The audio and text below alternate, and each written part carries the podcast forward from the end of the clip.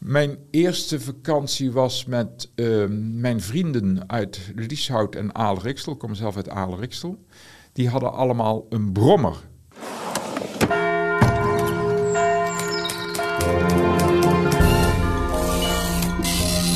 Je luistert naar het geheugen van Brabant.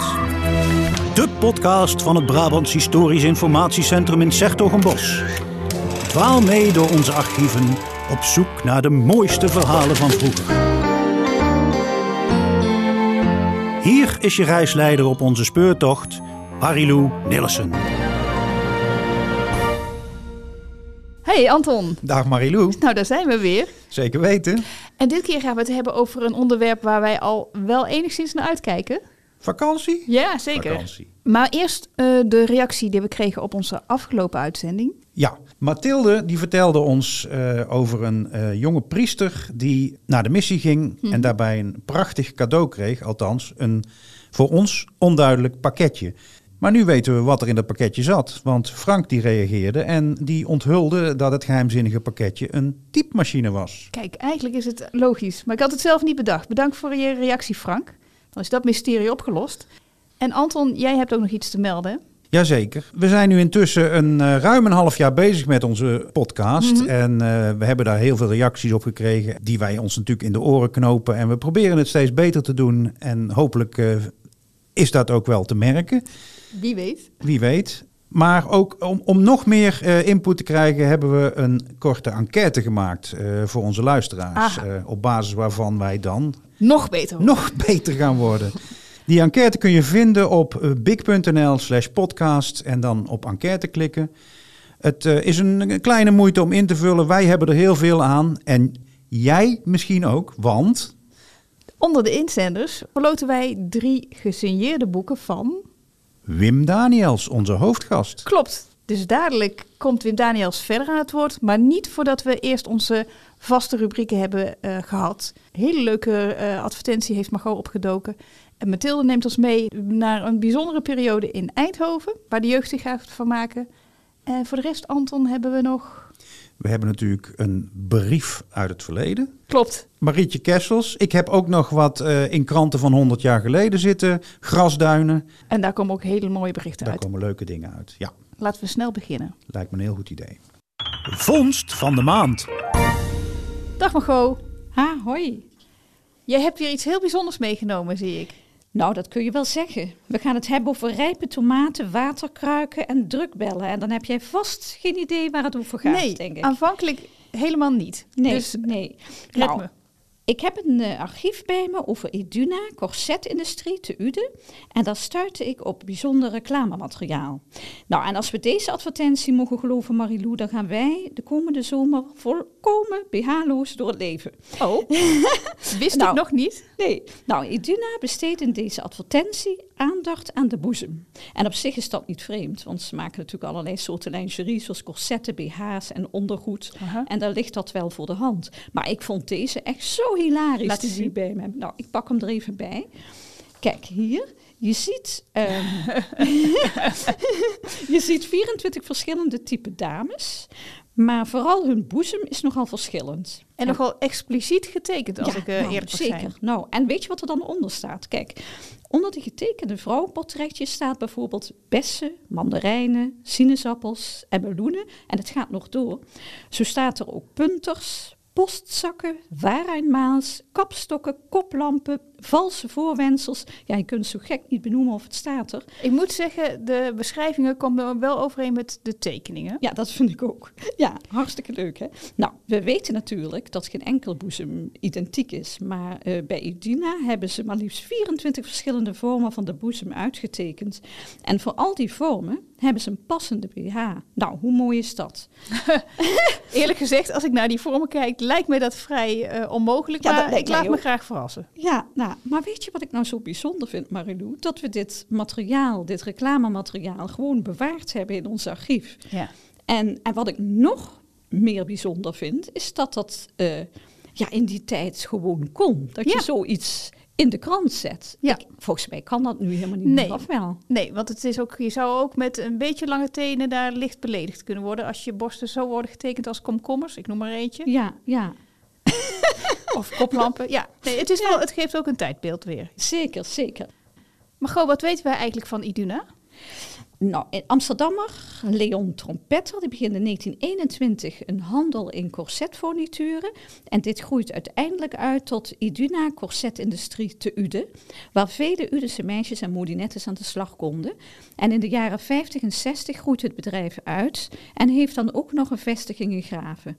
En het wordt zelfs uh, een dochteronderneming van Tenkate, dat in 1952 wordt opgericht. En volgens mij bestaat Tenkate nu nog steeds. De naam klinkt bekend, ja. Ja, en jij kent vast ook wel Pastunette, dat is ook een merk wat nog steeds bestaat. Dat was van Iduna, maar, en dat bestaat nog steeds. Mhm. Alleen Iduna is uh, failliet verklaard, dus dat is wel uh, heel jammer.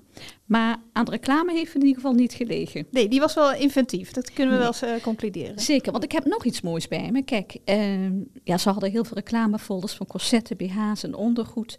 Maar ik heb hier een advertentietekst waarin ze op zoek zijn naar modinettes.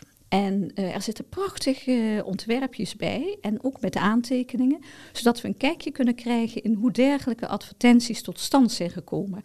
Kijk, en deze advertentie bijvoorbeeld richt Iduna zich tot de vaders met de kop. Ik schop mijn dochter als ze van school komt niet zomaar de maatschappij in. En eigenlijk uh, wilden ze dat de vaders hun dochters een opleiding tot modinetten lieten volgen. En ja, dat was natuurlijk uh, echt degelijk. En uh, na school kon je dan meteen naar de slag. En het was een mooie overgang naar het bedrijfsleven of het gezin. Hè, als je meteen daarna weer een zin ging stichten. En ook wel een bijzondere insteek dat de vader dus ja, bepaalt ja. wat die dochters moeten gaan doen. Zeker, ja, inderdaad. Maar uh, wat ik hier nou zo leuk aan vind, wacht, ik pak hem er even bij. Kijk, dit ontwerp, daar zie, zie je dus ook een aantekening bij. Daar zie je dus een vader met zijn dochter. Aha. En een aantekening dat de vader eigenlijk te oud is voor die dochter. Het is ook wel mooi, maar groot het is nog allemaal handgetekend. Er komt Ja. geen schetsprogramma aan te pas. Nee, inderdaad. Lekker, uh, ja, inderdaad. Is, het ziet er mooi uit. En, um, maar uh, als je dan naar de uiteindelijke versie kijkt op 28 mei 1970 in de Courier, waar het is verschenen, dan zie je opeens dat die vader geen snor meer heeft. Ook zijn stropdas is verdwenen.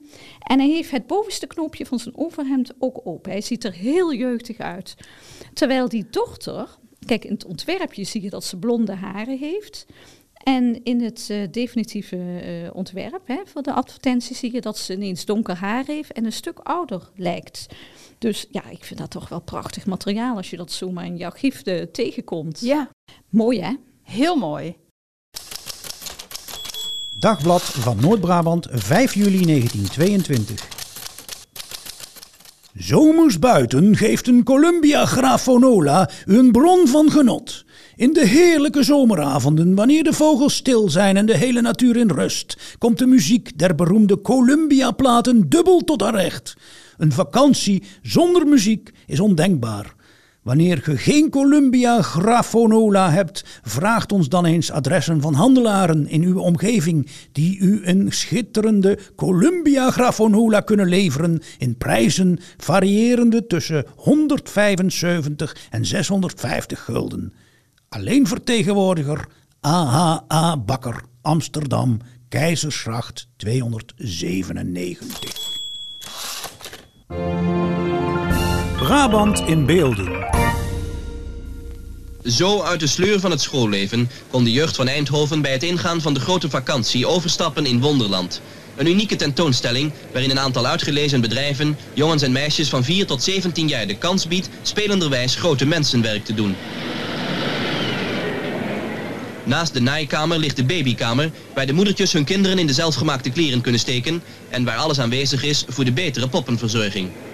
Midden in de hal liggen duizenden baksteentjes, waarmee jeugdige metselaars naar hartelust kunnen bouwen. En natuurlijk heeft deze Eindhovense zelfwerkzaamheidsexpositie ook een afdeling voor jeugdige radiotechnici. Ze kunnen er zelf een eenvoudig maar goed bruikbaar radiotoestelletje in elkaar zetten. Maar hey Mathilde? Hoi Marilou. een paar dingen die me opvallen als ik dit fragment hoor. Uh, ik heb nog nooit van Wonderland gehoord, voor mij helemaal nieuw. En dat kinderen daar van 4 tot 17 jaar, ik vind het best oud, daar kunnen uh, spelen. Ja, Wonderland, dat uh, was een soort ja, kindervakantieweek, maar dat duurde dan de hele vakantie lang. Um, en dit fragment wat je net hoorde is van het Polygoonjournaal. komt uit 57 en Wonderland heeft tot 77 is dat er geweest. In, eh, in Eindhoven was dit. En in die tijd gingen niet heel veel mensen nog op vakantie, zeker in die eerste jaren niet. Dus dat betekende ook dat de jeugd eh, gewoon in en om Eindhoven was. Allemaal in hun eigen woonplaats. En daar moest iets voor georganiseerd worden, vonden ze daar. Dus was er een stichting, het eh, Eindhovens Vakantiecomité, wat deze, dat Wonderland organiseerde. Ehm, ze hebben het in het filmpje over een, een, eh, een, eh, zelfwerkzaamheidsexpositie. Kom er maar eens om, hè, met Scrabble. Het is een mooi scrabblewoord, eh, ja, ja. En op dat Wonderland, was, je kon daar spelen, maar je kon dus ook allerlei werk doen. Niet in de zin van betaald werk, maar je kon bijvoorbeeld postbode spelen. Eh, de meisjes, alleen de meisjes, konden een moedertje spelen, eh, kleertjes naaien. Eh, maar je kon ook autorijden in een simulator bijvoorbeeld. En bouwen, zoals we in het, in het polygonen filmpje hoorden. Ja. En knutselen. Ja, ja wel best een breed aanbod. Want rijden in mijn auto lijkt me heel erg leuk. Terwijl kleertjes naaien mij dan weer minder aanspreken. Maar dat geldt vast voor die jeugd eh, niet. Nou, dat, dat gold voor die jeugd misschien ook wel. Want eh, wat het populairste eigenlijk was, was eh, een mini-dierentuin die er ook was. Waar ze een, eh, een stinkdier en een rode vos eh, hadden. Eh, en de botsautootjes waren ook heel populair. En juist inderdaad de dingen die je ook thuis wel kon Ja. doen. En die je ook in je dagelijks leven al deed, die waren wat minder geliefd. Al blijkt dat niet uit de beelden, want het is overal eh, behoorlijk druk. Dus er kwamen heel veel kinderen op af, op dat wonderland. En dan met name uit in en om Eindhoven, denk ik, hè? Uit in en om Eindhoven inderdaad. Maar het waren er echt tienduizenden kinderen die daar kwamen. Een bepaald jaar waren het er 40.000, andere keer 60.000. Die kwamen er overigens niet allemaal tegelijkertijd. Dus het is niet net als met een eh, festival waar je nu naartoe gaat. Dat ze eh, met z'n allen tegelijkertijd daar waren. Het was de hele vakantie lang. Ehm, dus per dag eh, waren er eh, een paar duizend eh, kinderen. Alsnog een hele, Ik wou zeggen, indrukwekkend. Als je ze allemaal moet bezighouden, is dat een hele taak, hè? Ja, ja. En in dit polygoonfragment wat we net hoorden, daar hebben ze het ook over bedrijven. En dat zie je ook wel een beetje terug in de activiteiten die er georganiseerd werden. Want het autorijden, nou dat zal door DAF Ja. zijn georganiseerd. De NS werkte er ook aan mee en de PTT komen we ook tegen. Dus de kinderen konden postbode spelen, brieven op de post doen. Eh, en Philips natuurlijk. Uiteraard. Tijd voor het volgende fragment? Ja, want eh, de, de intro was eh, van een polygoonfilmpje, maar er is ook een heel, hele mooie film van de stichting Eindhovens Vakantiecomité zelf. Dat is een eh, 16 mm film uit de collectie van het Regionaal Historisch Centrum Eindhoven. En dat komt uit 67, dus precies ja, tijdens de hoogtijdagen en in het midden van die periode dat Wonderland georganiseerd werd. En toen werden er eh, eh, 40.000 kinderen vermaakt eh, tijdens Wonderland. En zij kwamen daar eh, spelen en knutselen. Hier op Wonderland 1967 kon iedereen naar hartelust te werk gaan. Je kon er zelfs heus tikken op een echte schrijfmachine. En al valt het dan niet mee, toch probeer je dan een brief te typen aan je moeder. Zoals Margreetje hier.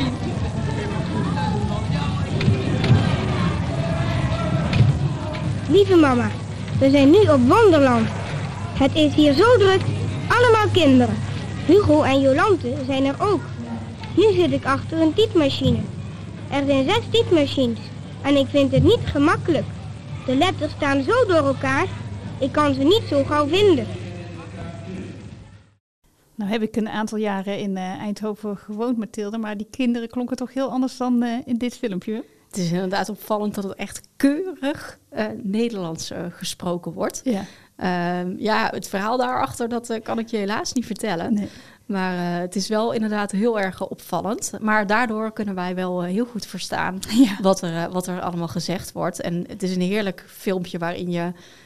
het is zwart-wit en je ziet allerlei kinderen allemaal in van die korte broekjes en keurige blouses aan ook. Eh, ja, al die, aan al die activiteiten eh, deelnemen. En eh, onder die korte broekjes hebben ze allemaal sandalen met van die hele dikke sokken er- erin. In de zomer. In de zomer, ja. En er werd wel over gesproken dat het warm was toen. Maar misschien was het in dat Philips ontspanningscentrum... waar, waar Wonderland georganiseerd werd, wel koud. Bijzonder fris. dat, eh, dat zou kunnen, inderdaad. Ehm, ja, en we kunnen in dat filmpje eh, dus meekijken wat er allemaal eh, georganiseerd wordt. En dus luisteren naar wat eh, kleine Margreetje allemaal schrijft aan haar moeder. En ehm het Wonderland, eh, daar moest je voor eh, betalen. Het was sommige jaren mogelijk ook wel gratis. Maar in ieder geval in 1960 betaalde je 75 cent, gulden cent dan, Ja, ja. voor een eh, dagtoegang. Eh, en later heb ik ook eh, wel bonnetjes gezien eh, met de prijs erop van eh 1 gulden 50 per dag. En voor die prijs kreeg je dan toegang en mocht je overal aan deelnemen. En je kreeg ook een aantal bonnen erbij, waarbij je onder andere wat lekkers kon kopen of uitzoeken. Je kreeg een heleboel snoep op de bon. Twee stukken tai tai en een pennywafel. Je kreeg ook nog een ijsje. En toen nog een rol zoute drop. En nog veel meer. En ik heb ook nog poppenkleertjes genaaid op een echte naaimachine. Maar je mocht de kleertjes niet mee naar huis nemen. Er was ook nog een jongen die ging naaien. Hij kon het nog goed ook. Met een beetje verontwaardigende stem. eh, Dat, dat die jongen het toch goed kon ook nog. Het was eh, ongehoord als je dat zo, eh, als je dat zo eh, hoort. En dat valt sowieso wel op dat er een heel duidelijk onderscheid was in de activiteiten die voor jongens en voor meisjes georganiseerd werden. Dus eh, dat naaien, dat was eigenlijk voor de meisjes bedoeld, net als het eh, moedertjes spelen. En de techniek eh, toch meer voor de jongens.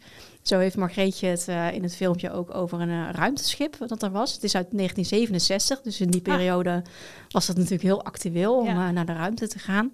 Maar daarvan zegt zij dus zelf wel dat zij daar niks van begreep. En dat dat echt iets voor de jongens was. Dus dat geeft ook wel een, een tijdsbeeld. Ja, Ik ben blij dat het nu anders is. Maar zeker.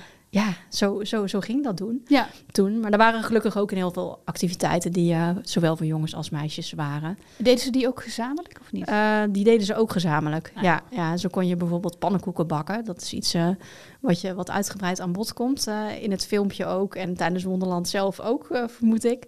Want die mocht je zelf bakken, die pannenkoeken als kind. Vervolgens zelf opeten. En daarna moest je wel zelf je pannetje afwassen. dat was dan onder- het minste, maar Ja, wel, ja. educatief. Het is wel educatief. En het leuke daaraan ook is om dat te zien... is dat ze die pannetjes dan afwassen onder zo'n gijzer... met zo'n ja, zo'n rubbertje of zo'n Oh, ja. aan de kraan. Heel, eh, heel herkenbaar. Herkenbaar voor mensen van een zekere leeftijd, zullen we maar zeggen. Zo is dat, ja. ja. Maar dat was dus iets wat jongens en meisjes deden. En eh, ook het eh, theater was erg geliefd om naartoe te gaan. Eh, dus dat zit ook eh, mooi, eh, in, in de video. Margreetje die, die schrijft haar brief en daar mogen we mee meeluisteren. En aan het eind sluit ze hem ook nog af. Lieve mama, ik weet niet meer. Ik moet stoppen. Ik zal de brief in de envelop doen en in de brievenbus stoppen. Er is hier ook een postkantoor. En dan kom ik naar huis. De groeten aan papa uit Wonderland. Nadat Margreetje haar brief eh, heeft afgesloten, dan doet ze hem in een envel- envelop en ze likt die envelop dicht en stopt hem in zo'n grote PTT-brievenbus. Het is zwart-wit, maar eh, welke kleur zal het toen zijn geweest, die brievenbus? Rood? Rood? Ik denk het wel. Ja. Ja. ja. En het dichtlikken van een envelop is ook iets uit vervlogen tijden. Ja, het, het- het kan natuurlijk nog wel, maar ik moet zeggen dat ik dat zelf zelden meer doe. Nee. En denk je dat de kinderen er ook geen eh, plezier meer mee doet? Nee, nee, die typische smaak die je dan eh, krijgt van dat dichtlikken. Ja. maar het staat wel mooi op film. Het staat allemaal heel mooi op film en eh, gelukkig is die film eh, nog terug te zien. Dankjewel. Graag gedaan. Wil je dit filmpje zelf bekijken? Ga dan naar big.nl slash podcast Brabant in beelden. Zometeen verder met Marietje Kessels. Centraal staat dit keer de schilder, die van kroongetuige tot hoofdverdachte werd.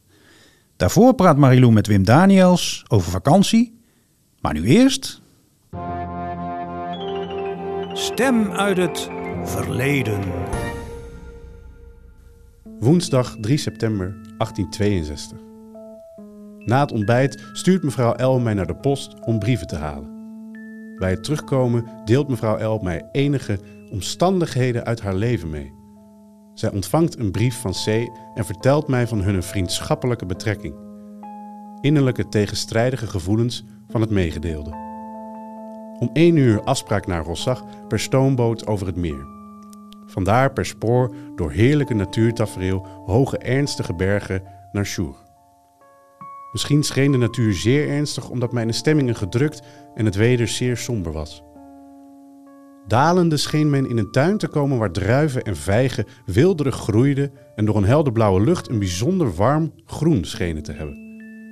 In guirlandes hingen de zware trossen druiven. Hier en daar vertonen zich boeren en herders, welke in hun mantels gehuld en met hun breed gerande hoeden en hun ongedwongen houding bevallig en schilderachtig uitzag, in tegenstaande hun klederen, die vodden waren. Zij pasten met hun kalme rust in het grote, lachende en vreedzame landschap. Tussen al die vruchten, door het groen heen, bereikten wij Chiavenna. Maandag 24 september 1862. De diligence werd in het donker opgeladen en nadat wij ons in een kleine slaapkamer enigszins verfrist hadden, richtten wij zo goed mogelijk de coupé in die ruim en gemakkelijk was. Reeds spraken koetsiers Italiaans. Wij hadden niet verzuimd eerst ons door thee te verkwikken, waarvan wij alle drie groot liefhebbers zijn. Wij hadden ons zo comfortabel mogelijk ingericht. Ongelukkig werd de maan, die vol moet zijn, door de wolken verduisterd en stortregende het. Daardoor konden wij van het grootaardige de Via Mala niet genoeg zien. En latere dagen, s'avonds, naar de Conte de Brazza, lief ontvangen. Alle dames zeer treurig. De conversatie druk en onbeduidend. Met ongeduld werd Liest gewacht. Reeds waren Elisa en ik aan de thee. De huisvrouw vreest dat Liest niet komen zal.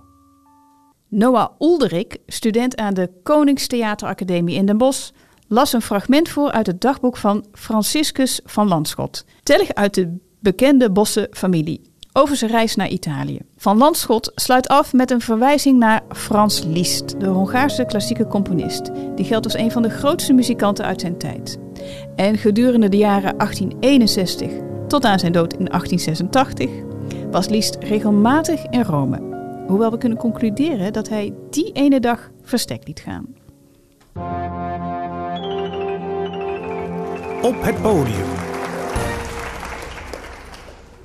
Schrijver, uh, theatermaker, tv-presentator van programma onder andere Het Dorp, hè, nu met Huub Stapel, Ja, Omroep. Max.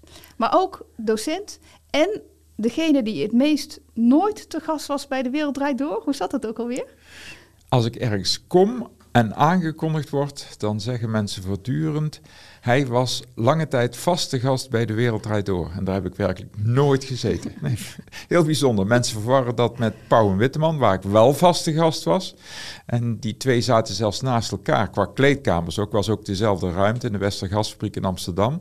Maar op de een of andere manier beklijft toch De Wereld Draait Door... blijkbaar beter dan Pauw en Witteman. Ja, En ik ben ook opgehouden om te zeggen dat ik daar nooit heb gezeten. er gewoon niet meegaan. ja, heel verstandig. Je schreef meer dan eh, 100 boeken. Ja. Heel bijzonder. En één daarvan is eh, Op vakantie. En dat is eh, een geschiedenis van onze vrije tijd. En die beschrijf je tot heel ver terug. Hè? Je gaat ook naar de Grieken en Romeinen. Zeker. Maar ik wil nu graag terug naar de tijd dat vakantie eh, gemeengoed werd in Nederland voor de grootste groep Ja. mensen. Naar welke tijd moeten we dan terug? Dan moet je zelfs ook nog de 17e eeuw overslaan, toen to- er toch wel een soort van begin van vakantie was. Toen vooral rijke jongens, jongens van rijke ouders, zogenaamde grand tours maakten. Wel een interessant fenomeen, maar dat waren echt heel beperkt aantal, was echt een heel beperkt aantal jongeren, jongens. Ehm, de ouders vonden het verstandig dat die eens op reis gingen, op culturele reis. Dus het was echt wel een soort van vakantie. Ze moesten daar talen leren, ervaring opdoen. Vaak moesten ze ook wel een tijdje werken. En als ze dan terugkwamen, dan waren ze verzekerd van een goede baan. PC Hoofd is bijvoorbeeld een van de mensen die zo'n Grand Tour heeft gemaakt. Ehm, de vader van PC Hoofd ook, de zoon van PC Hoofd ook. Eh, maar goed, dat waren echt te weinig mensen om te zeggen, nou, dit is echt het begin van de vakantie. Ik eh, dateer het begin van de vakantie bij het begin van de AWB in 1883, toen nog de Algemene Nederlandse Velocipidistenbond genoemd. Twee jaar later pas hebben ze zich veranderd, de naam veranderd in Algemene Nederlandse Wielrijdersbond. En die ehm, bond werd opgericht onder andere, eh, zoals de naam zegt, voor fietsers, maar ook om fietsers die onderweg waren onderdak te bieden. En zij uh, pleiten, bepleiten dus erg voor het aanleg van fietspaden en onderdakmogelijkheden, hotels waar mensen konden overnachten. Ze hadden niks met kamperen, helemaal niks aanvankelijk. Dat werd door de ANWB zelfs lange tijd, tot in het begin van de 20e eeuw, zigeunertoerisme genoemd. Kijk eens aan. Ja. En die, en die overnachtingsplekken doen mij een beetje nu denken aan Airbnb, maar het zal wel heel anders zijn geweest destijds. Ja, ja, dat waren toch een soort van herbergachtige hotels, denk ik, waar mensen onderdak vonden. Kijk, de auto was er nog maar amper. Um, de fiets was toen heel sterk in opmars. Uh, vanaf 1883 heeft nog wel 15 jaar geduurd. Eigenlijk pas vanaf 1900 kun je zeggen dat de fiets echt gemeengoed wordt. Maar goed, dat Kijk, wandelen kan natuurlijk altijd. Wandelen is misschien wel de oudste manier van op vakantie gaan. Maar toen had je de fiets, vliegtuig was er natuurlijk nog niet, brommer was er nog helemaal niet. De boot al wel. Er werden al wel her en der een soort van bootreizen aangeboden. Niet echt cruises, maar wel dat je met de boot ergens naartoe kon. Daar waren wel mensen mee bezig. Die hadden een soort van reisbureau in Amsterdam en in Rotterdam die bootreizen aanboden. Maar de fiets was toen toch wel het geëigende middel om daarmee te beginnen. En je zag toen in die tijd ook wel, vind ik wel prachtig, dat er voor het eerst boeken verschenen waarin de fietsvakantie centraal stond. En Chris van Apkoude heeft een fantastisch boek geschreven over vijf jongeren die met de fiets op vakantie gaan. Praat ik al wel over zo over 1911. En die jongeren die kamperen onderweg in het wild. Want campings waren er toen ook niet. Campings die zijn er pas voor het eerst gekomen rond 1915. Heel minimaal ook nog maar. En die jongeren boden toen ze op vakantie waren, die waren een week op vakantie. Van Rotterdam gingen ze naar Arnhem en terug. En die bonden hun fiets, als ze sliepen, aan hun been vast. Ja. Zo kon hij niet worden gejat. Ja, fietsenjatten bestond toen al. Oké. Ja. En Chris van Apkoude is vooral in mijn ogen bekend van Pietje Bel, maar hij heeft dus ook deze boeken geschreven.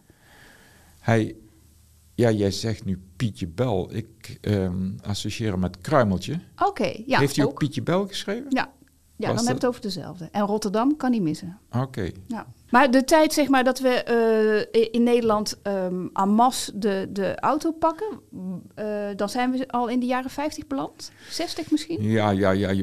Kijk, het omslagpunt van op vakantie gaan in Nederland ligt in 1970. Voor 1970 gingen uh, de meeste mensen niet op vakantie. Nee, vanaf 1970 gaan meer mensen wel op vakantie dan niet op vakantie. Okay. Vanaf 1985 gaan de meeste mensen die op vakantie gaan naar het buitenland op vakantie. Corona-jaren uitgezonderd mm -hmm. natuurlijk.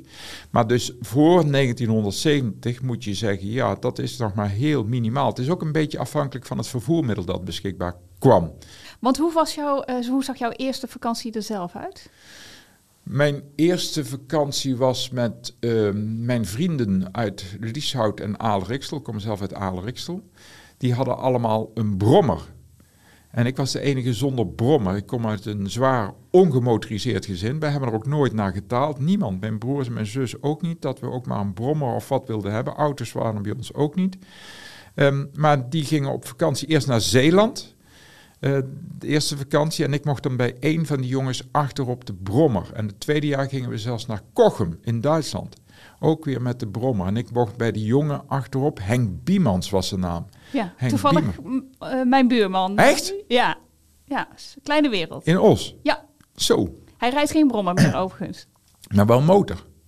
Heeft hem. Oh, die heeft die, volgens mij heeft hij die verkocht. Oh, die heeft hij verkocht. Ja, ja. ja. Maar die had toen, wat toen vrij doorging voor echt wel een goede brommer, een Zundap. Ik weet ook nog de kleur, een, een oranje kleurige Zundap. En dan zat ik bij hem achterop en ik voelde me toen een soort van Theo Komen. Een wielerverslaggever die verslag deed van onze reis eerst naar Zeeland, jaar erop naar Kochem. Ja, ja, was prachtig. En dus het feit dat ik voor het eerst op vakantie ben gegaan met vrienden op een brommer, betekent dat ik pas vanaf mijn zestiende op vakantie ben gegaan. Want voor je zestiende mocht je geen brommer rijden. En dat betekent dus ook dat ik nooit met mijn ouders op vakantie ben gegaan, omdat zij niet gingen.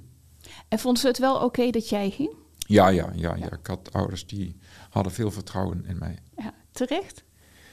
Ja, ik denk niet dat ik dat veelvuldig beschaamd heb. Nee, dat geloof ik niet. Hield je wel contact met ze uh, als je op vakantie was? Nee, nee, nee. Dat vond ik ook wel mooi van op vakantie zijn toen.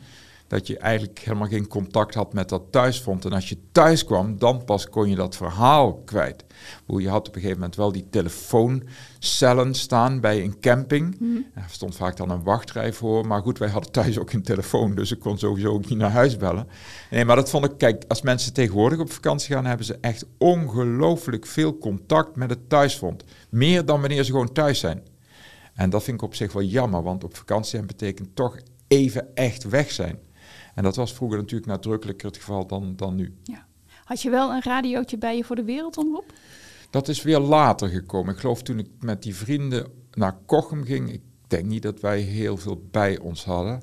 Nee, maar later kan ik me toch nog wel herinneren dat ik ooit ergens op een camping heb gezeten met een, eh, transistorradio, waarbij je voortdurend aan die antenne draaide om de wereldomroep eh, te ontvangen. En bijzonder was dat ik op een gegeven moment eh, kreeg ik een column bij de wereldomroep. Wel veel later, maar toen eh, ha- had ik ook in de gaten dat dat voor heel veel mensen heel belangrijk is, die, die, die wereldomroep. Ik weet nog dat in die tijd was bij de wereldomroep hadden ze Jan Pelleboer, was, was de weerman. En toen, we kregen voortdurend bij de Wereldomroep, ik had daar een, een column in het programma Klare Taal van Arie Bras. Dus ik ging elke week wel naar het gebouw in Hilversum om die column in te spreken of om een gesprek te hebben met Arie Bras. Maar toen zag ik ook voortdurend de briefkaarten die binnenkwamen vanuit het buitenland. En een van die briefkaarten kan ik me nog goed herinneren, die ging over de weerman Jan Pelleboer. Die had een heel nasaal stemgeluid. En toen op die briefkaart stond: Het is fantastisch uw weerpraatje, maar jammer dat u steeds een knijper op uw neus zet. Vond ik eigenlijk wel heel apart. Ja. ja. Maar het zelf dus geen, eh, ook geen ansichtkaartje naar thuisfront gestuurd? Nee, dat hebben we overigens later wel gedaan. Ehm, mijn meest indrukwekkende vakantie is geweest een liftreis met eh, een vriendin die ik toen had, die eh, later mijn vrouw is geworden. Van New York naar San Francisco en verder eh, zuidwaarts naar eh, Costa Rica, Nicaragua, et cetera. En toen stuurden we wel geregeld, geregeld kaartjes naar huis. Op bellen deden we eigenlijk ook niet, nee. Want dat was toen denk ik nog vrij duur. Ja. ja. En op de ansichtkaart zat er dan ook zo- zo'n zonnetje in de hoek met het... Nee, dat heb ik toch altijd wel proberen te vermijden. Om dat cliché-zonnetje niet op een kaart te zetten. Nee, ik, ik dacht dat ik daar iets belangrijker informatie op moest zetten. geld is op, stop, of niet? Nou, wij, zijn toen in, in San Francisco zijn we een keer eh, overvallen en beroofd. Waren we echt alles kwijt. En, maar toen had ik het geluk dat ik een broer in Aalen-Riksel bij de Rabobank had werken. En, je, en in die tijd dat wij op reis gingen, reisde je nog met traveler checks. Dus je had niet, zo, niet zozeer heel veel contant geld bij je, ook geen pinpassen, die bestonden toen nog niet, maar traveler checks. En op de een of andere manier kon mijn broer het toen snel regelen dat ik vanuit San Francisco toch weer beschikte over traveler checks. Vakantie gered? Kwam het nog goed? Ja, zeker. We zijn toen gewoon doorgereisd. We hadden sowieso op zich... Ik heb van, de, van, van die reis een, een soort van dagboekje bijgehouden. Wij maakten iets van 11 gulden en een dubbeltje op per dag. En het was, wij sliepen ook bij mensen thuis. Wij liften, hè, dus we kregen liften van mensen die heel vaak zeiden... nou, blijf maar bij ons slapen. We hadden toen ook een trucje in de Verenigde Staten. Heb je heel veel kerkdiensten van allerlei kerkorganisaties. En heel vaak naar die kerkdiensten is er een soort van etentje. En wij liepen dan vaak voorbij zo'n kerk en dan zagen we, nou, die kerkdienst is voorbij. En dan sloten we gewoon aan bij dat etentje. Hebben we heel vaak gedaan. Ging goed. Ging hartstikke goed. En ja. goed eten. Ja, zeker. Ja, Ja, ja. In je boeken op vakantie eh, behandel je ook verschillende eh, typen vakantie. Hè? Je hebt ook de zonvakantie, eh, de wintersport. Ja. Wanneer is dat eigenlijk een fenomeen geworden?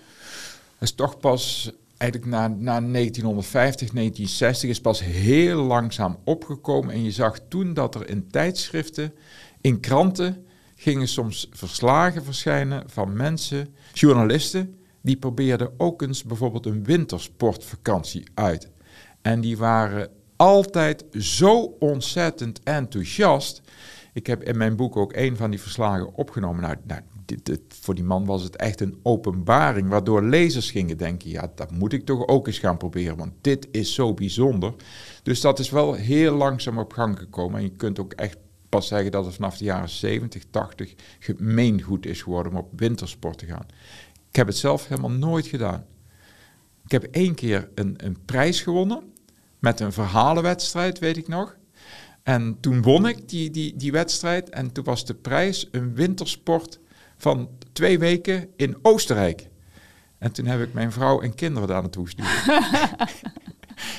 En die vonden het wel leuk? Ja, die vond het fantastisch. Ja. Ja. Ja, sinds die tijd zijn mijn kinderen ook veelvuldig op wintersport gegaan. Mijn vrouw niet, want die houdt niet zo van kou. Maar die vond die vakantie ook wel mooi. Maar mijn kinderen hebben daar wel, denk ik, het virus, zoals dat vaak heet, van de wintersport opgelopen. Ja, mooi. En dat liften, nou je vertelde er net al over. Ik had eh, toen ik het boek las het ook het idee dat dat heel veel indruk heeft gemaakt Ja. bij je. Is liften iets uit het verleden? Gebeurt het nog zoveel als Nee, destijds? nee, nee, gebeurt bijna niet meer. Dat komt ook wel omdat heel veel jongeren tegenwoordig in vergelijking met vroeger over eh, vervoermiddelen beschikken. Heel veel jongeren in vergelijking met vroeger hebben nu een auto. Eh, in onze tijd was het, als je 18 was, had je over het algemeen echt geen auto. Er waren echt uitzonderingen die een auto hadden. Bovendien denk ik dat erbij is gekomen dat het fenomeen liften toch ook een beetje het gevaar met zich mee heeft gekregen dat er tegenwoordig misschien iets meer is dan vroeger. Hoewel je ook vroeger, want daar, heb ik, schrijf ik ook over, vroeger las je in de krant ook veelvuldig dat er bij liftende mensen iets gebeurde. Maar je zag vroeger, ik heb ook een tijdje in Nijmegen gewoond, daar hadden ze zelfs bij het Keizer Karelplein hadden ze echt een strook vrijgemaakt voor lifters. En eh, dan kon je gewoon een bordje ophouden en dan kon je naar huis. En dat soort dingen zijn echt wel allemaal verdwenen. Wij hadden toen, toen we op die reis gingen van, van New York naar San Francisco, had ik ergens een bord gekocht. Ik ben er dankzij het boek achter gekomen waar ik dat bord heb gekocht, want dat wist ik helemaal niet meer. Wij hadden een, een plastic bord, een langwerpig bord, dat kon je zo ophouden, er zat ook een duimpje aan.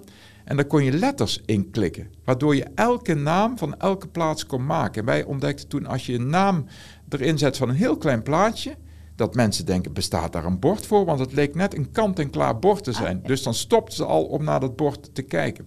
En wanneer is voor de laatste keer dat je hebt gelift, dat je bij iemand in bent gestapt? Dat is nog niet zo heel lang geleden. Soms heb ik die neiging nog om dan toch nog gewoon... Ik vind het zelf wel een beetje raar om van zo'n man op leeftijd die dan ergens gaat staan. Dan gaan mensen toch denken, die heeft pech, dus dan nemen ze me om die reden vaak al mee. Maar ik moest ergens naar, in de buurt van Doetinchem zijn en de trein reed niet. En dan denk ik, nou, ik probeer het gewoon. En het kan nog wel, maar Ja. ik raad het niemand aan. Waarvan akte?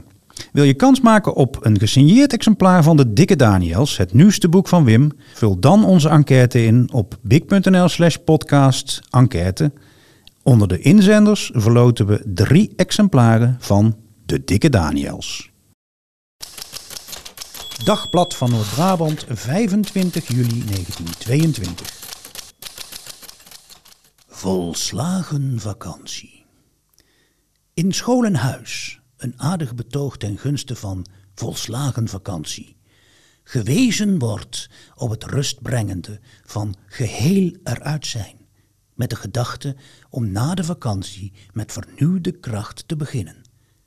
Aan ouders geeft de redactie deze waarschuwing. Als gij uw kind bijvoorbeeld elke dag een klein stukje schooltaak laat in de vakantie, al ziet dat kleine stukje er nog zo licht en gemakkelijk en onschadelijk uit, het belet uw kind eruit te raken. Als gij uw kind lastig blijft vallen om zijn laatste slechte rapport, om zijn laatste zitten blijven, dan houdt gij de school spokende door zijn bewustzijn. En gij bederft zijn vakantie. Bederven niet alleen in de betekenis van onprettig maken, genot vergallen, dat is ook verkeerd, maar daar weet een kind met behulp van de heerlijke kinderlijke lichtzinnigheid nog wel wat tegen te doen. Nee, ik meen bederven in de zin van vernietigen, van doel doen missen. Er is geen groter domheid dan te denken dat de vakantie het aangewezen tijdperk is voor nog eens inhalen, voor bijwerken, voor extra exercitie van de geest. Doch maar weinig kleiner domheid is het te menen dat een matige hoeveelheid schoolgedoe toch geen kwaad kan. Dagblad van Noord-Brabant, 29 juli 1922. Oosterhout, schoolreisje. Woensdag jongsleden maakten een zeventigtal leerlingen der Mulo en Sint-Janschool met hun onderwijzers een uitstapje naar Nijmegen. Begunstigd door het mooie weer werd 's morgens de reis ondernomen om omstreeks half tien in Nijmegen te arriveren. Na een kleine verfrissing gebruikt te hebben, werd een wandeling gemaakt naar de Waal, waar met de gierpont even naar Lent overgestoken werd. De elektrische tram bracht de jongens vervolgens naar Bergendal, waar het middagmaal gebruikt werd. En vervolgens de grote attractie van de dag, de Heilig Landstichting, werd bezocht. Na een wandeling door de stad werd het station opgezocht en ongeveer half twaalf kwamen de jongens hoogst voldaan weer in Oosterhout aan. Old case. Cold case. Op woensdagochtend 22 augustus 1900, rond half elf, loopt Marietje Kessels in de Tilburgse wijk Noordhoek naar de brievenbus. Twee dagen later wordt het elfjarig meisje dood aangetroffen in de kerk, vlakbij. Er volgt een lang strafproces, er zijn verschillende verdachten, maar een dader is nooit veroordeeld. Samen met mijn collega Christian open ik de talloze dozen die over deze zaak gaan en bekijken we wat de archieven ons vertellen. En die feiten vormen onze leidraad. Vorige keer zagen we dat de koster, Johan van Isterdaal, hoe langer de zaak duurt in niks meer lijkt op die onbewogen man tijdens zijn arrestatie en grove uitspraken doet als dat heeft dat wijf uit haar poot gezogen. En dit keer gaan we in de archieven op zoek naar de ware aard van August Mutsaars, de schilder, die verandert van kroongetuigde tot hoofdverdachte.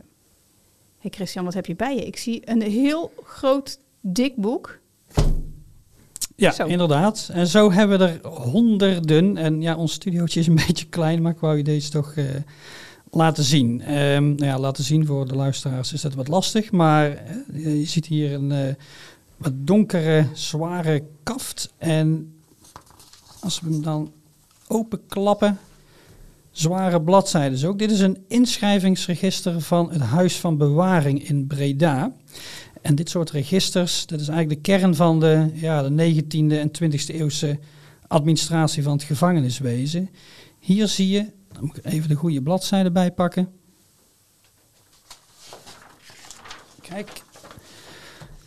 Hier zie je namelijk alle ingeschreven gevangenen te staan.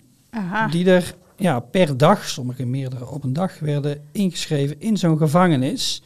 En ehm, in verschillende kolommen allerlei gegevens. En dan de leukste kolom, dat is eigenlijk die hier achteraan staat. Moet je maar eens even lezen. Dat is de kolom met het signalement, de uiterlijke kenmerken van zo'n persoon. Eens even zien. Ehm, lengte 1,76 meter, haar donkerbruin, wenkbrauwen idem, voorhoofd gewoon, ogen lichtblauw, neus gewoon, mond idem, kin ruw, baard bruin, aangezicht ovaal, kleur gezond en bijzondere tekenen. Moet ik even kijken wat daar staat. Mm, Boven linkeroog een rond plekje. Ja, klopt. Nou, deze nou, nogal gewone man hè, met die ruwe kin en zijn plekje boven zijn oog, dat is nou August Mutsaars. En dat zie je hier ook vooraan die regel, hier, gevangene nummer 169, Casparus Augustinus Mutsaert staat er. Hè, een aantal documenten zie ik hem ook wel terug als Gus of Gus en hij ondertekent zelf heel vaak als August. En hier staat datum van opneming in het gesticht. 29 augustus 1900. Er staat overigens gesticht, dat is niet alleen maar voor gekken. Je kon er trouwens wel gek worden in de gevangenis. En op dat moment werd hij ook in afzondering gehouden. Dus apart van andere gevangenen, ik vermoed ook in isolatie. En hij bezat, dat zie je hier achteraan, hij bezat een horloge, een ring en drie centen. Wat natuurlijk het meest opmerkelijk is, is zijn rol in deze zaak. Want aanvankelijk was hij dus, zoals je al zei, kroongetuige. Hè, door zijn verklaring wordt de koster immers voor de ogen van vader Kessels in de boeien geslagen. Weet je nog, vanwege Ja. dat pakje met die kleren.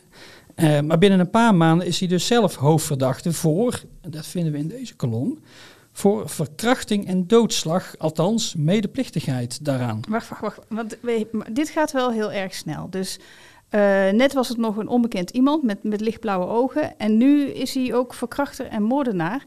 Dan ben ik wel benieuwd. Ehm, kun je iets meer over zijn achtergrond vertellen? Wat vertellen de archieven daarover? Zeker, want dan pakken we even een ander groot boek erbij.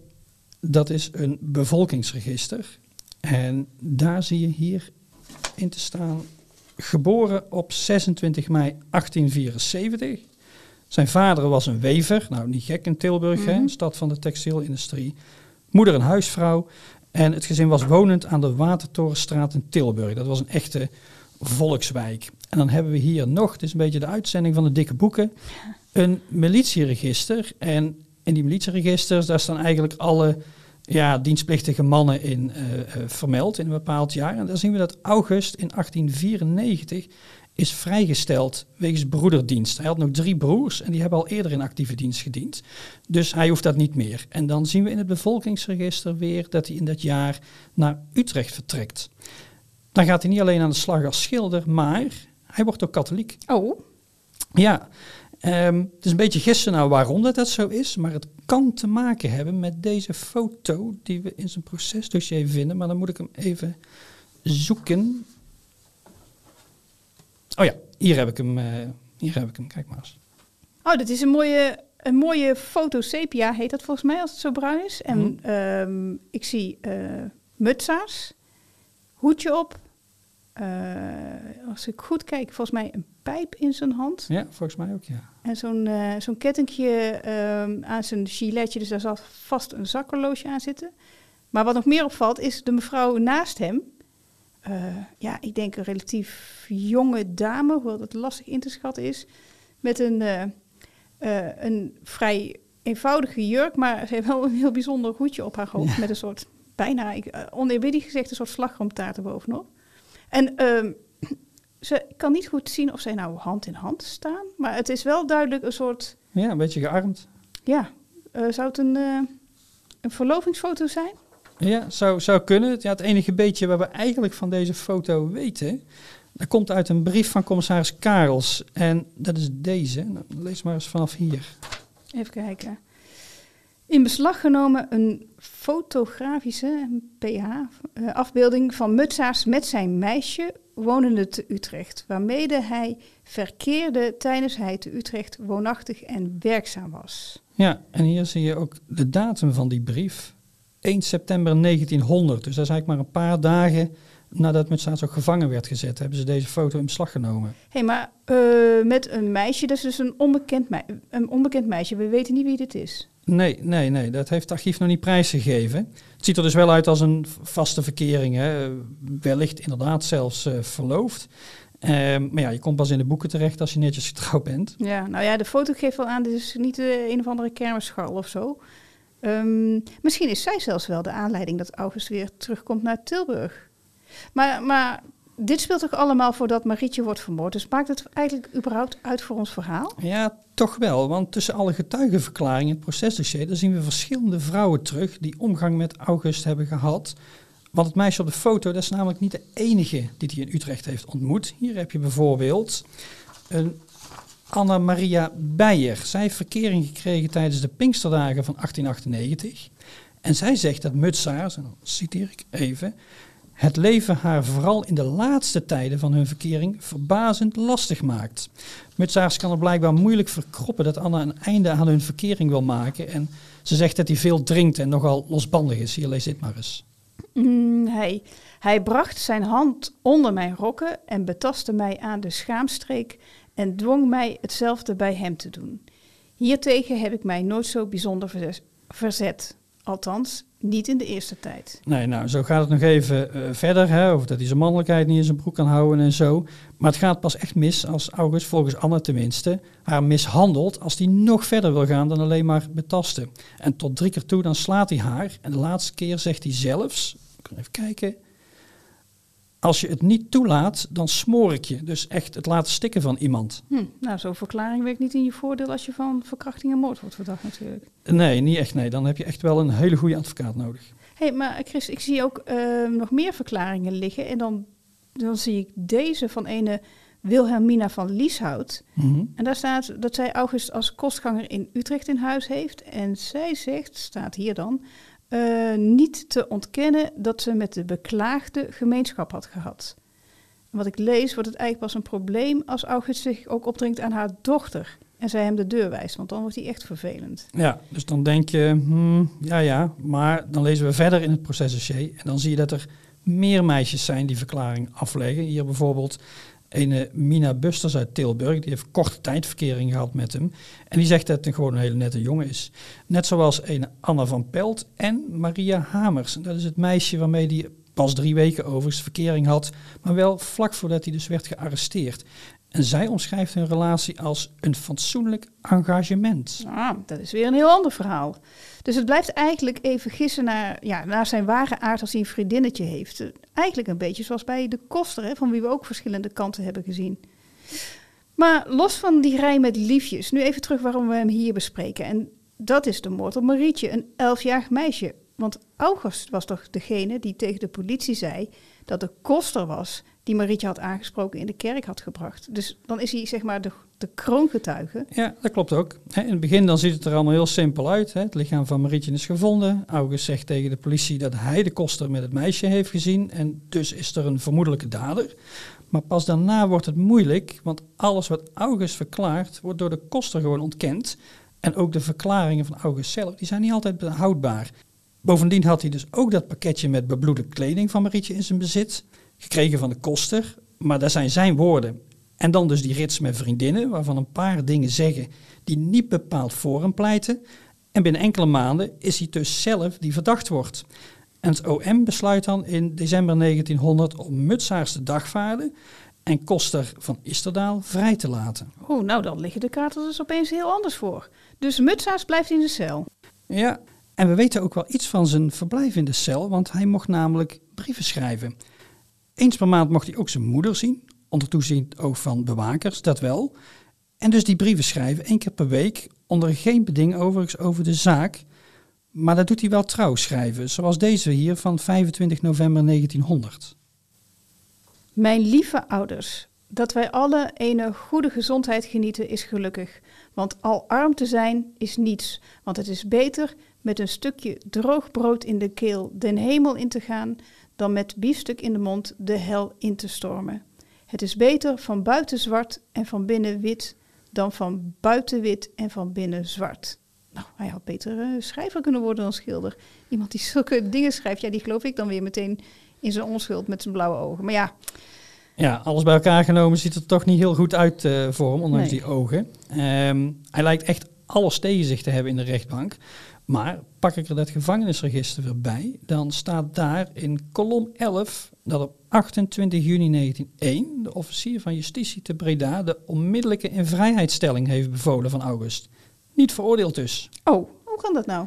Nou, daarvoor is eigenlijk maar één man verantwoordelijk. En dat is een jonge, veelbelovende en vooral protestantse advocaat.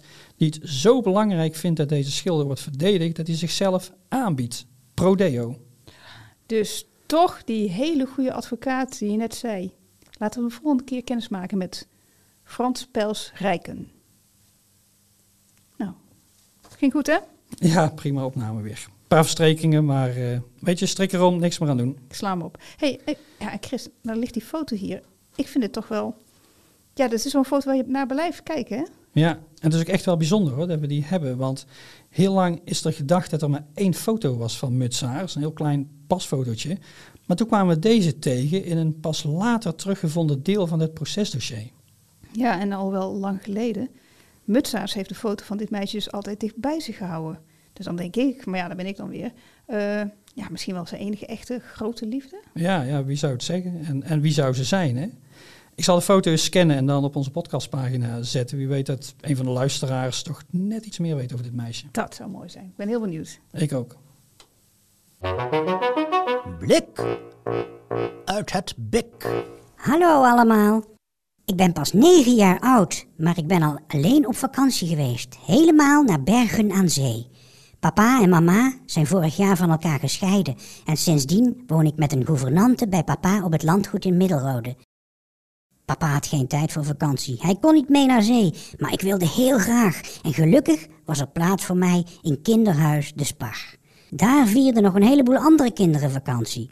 Lulu de Saverin Lohman uit Haarlem. Uit Amsterdam komen de zusjes Hansje en Ella van Hal en hun broertje Aldert. En dan heb je nog Cora en Loekie de Stuurs uit Beeldhoven. Dolf Dumarchie van Voorthuis uit Arnhem. En nog veel meer jongens en meisjes. We genoten van het mooie weer, het strand, de zee en hadden veel plezier. Oh, ik ben dol op raadsels en mopjes. Wat, wat dacht je hiervan? Moeder, Lientje, was nu toch gauw je voeten, ze zijn zo zwart. Lientje, ach moeder, als ik zwarte kousen aantrek, zijn ze toch ook weer zwart, al heb ik ze gewassen. Dat is een goeie, hè? Nou, Cora, Loekie, Ella, Aldert, Tilly Cole, Letty Feit en Jantje Franke en ik... we hebben meegedaan aan de fortenwedstrijd op het strand van Bergen aan Zee. Dat was me toch leuk? Nou ja, we hebben wel niet gewonnen, maar de vierde plaats is ook niet slecht, toch? Nou, je begrijpt het wel, hè? De vakantie vloog om, helaas. Want voor ik het wist, moest ik weer naar huis. Maar ik heb met mijn vriendjes en vriendinnetjes afgesproken dat we met z'n allen volgende zomer weer terugkomen naar Bergen. Was getekend Valerie Laman Trip. Dit verhaaltje klinkt misschien een beetje als Pippi Langkous in Villa Kakelbond, maar het is geen fictie, althans het is gebaseerd op ware feiten. En je zou misschien verwachten dat die feiten nog niet zo oud zijn, maar de vakanties van Valerie in Bergen dateren van 1921, 1922 en 1923. Daarmee was Valerie natuurlijk wel een bevoorrecht meisje. Van een vakantie aan zee, of waar dan ook, konden de meeste van haar leeftijdgenootjes alleen maar dromen. Mijn grootouders bijvoorbeeld waren zo'n beetje van dezelfde leeftijd als Valerie, maar leefden in een totaal andere wereld. Een arbeiderswijk in Tilburg, een klein boerderijtje in het land van Altena. Mijn ene grootvader was boer en heeft nooit een dag vrij gehad, laat staan dat hij een week of nog langer op vakantie zou zijn gegaan. Het idee zou niet eens bij hem zijn opgekomen. Mijn andere grootvader werkte in de schoenenindustrie en van op vakantie gaan was tijdens zijn werkzame leven geen sprake. Ik heb nog wel wat foto's waarop mijn grootouders op een strand zitten. Dat zullen wel dagtripjes zijn geweest, denk ik. En bij een rivier in heuvelachtig landschap staan. Het lijkt mij de Moezel. Maar dan zijn ze al behoorlijk op leeftijd en zitten we al rond 1970. En inderdaad, rond die tijd veranderde het snel.